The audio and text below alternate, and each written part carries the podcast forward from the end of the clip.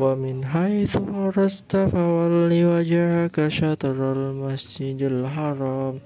وحيث ما كنتم فولوا وجوهكم شطرة وحيث ما كنتم فولوا وجوهكم شطرة. لئلا يكون للناس عليكم حجة إلا